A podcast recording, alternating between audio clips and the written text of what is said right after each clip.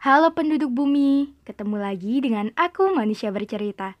Semoga manusia bercerita menjadi teman kalian sekarang, esok, dan sampai kapan pun itu.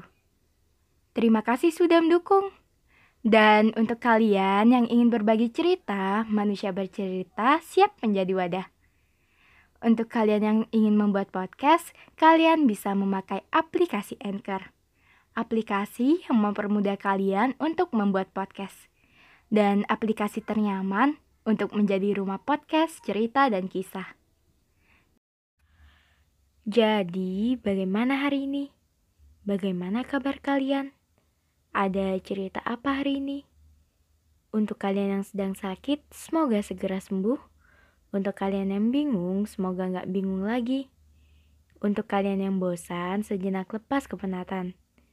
Untuk kalian yang sedih, Semoga menerbitkan tahu kembali dan semoga kalian melahirkan bahagia setiap harinya.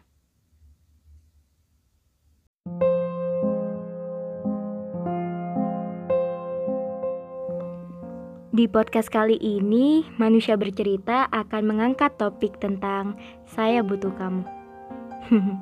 Selamat mendengarkan.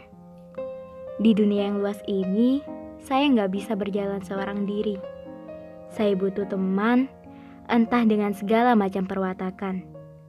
Ego yang mungkin bertolak belakang. Saya butuh seseorang untuk meluapkan cerita. Saya butuh tempat untuk berkeluh kesah. Saya tidak mengekang, kamu bebas berjalan ke segala arah dan ke mana saja. Saya butuh kamu dengan segala sifat kekanak-kanakanmu.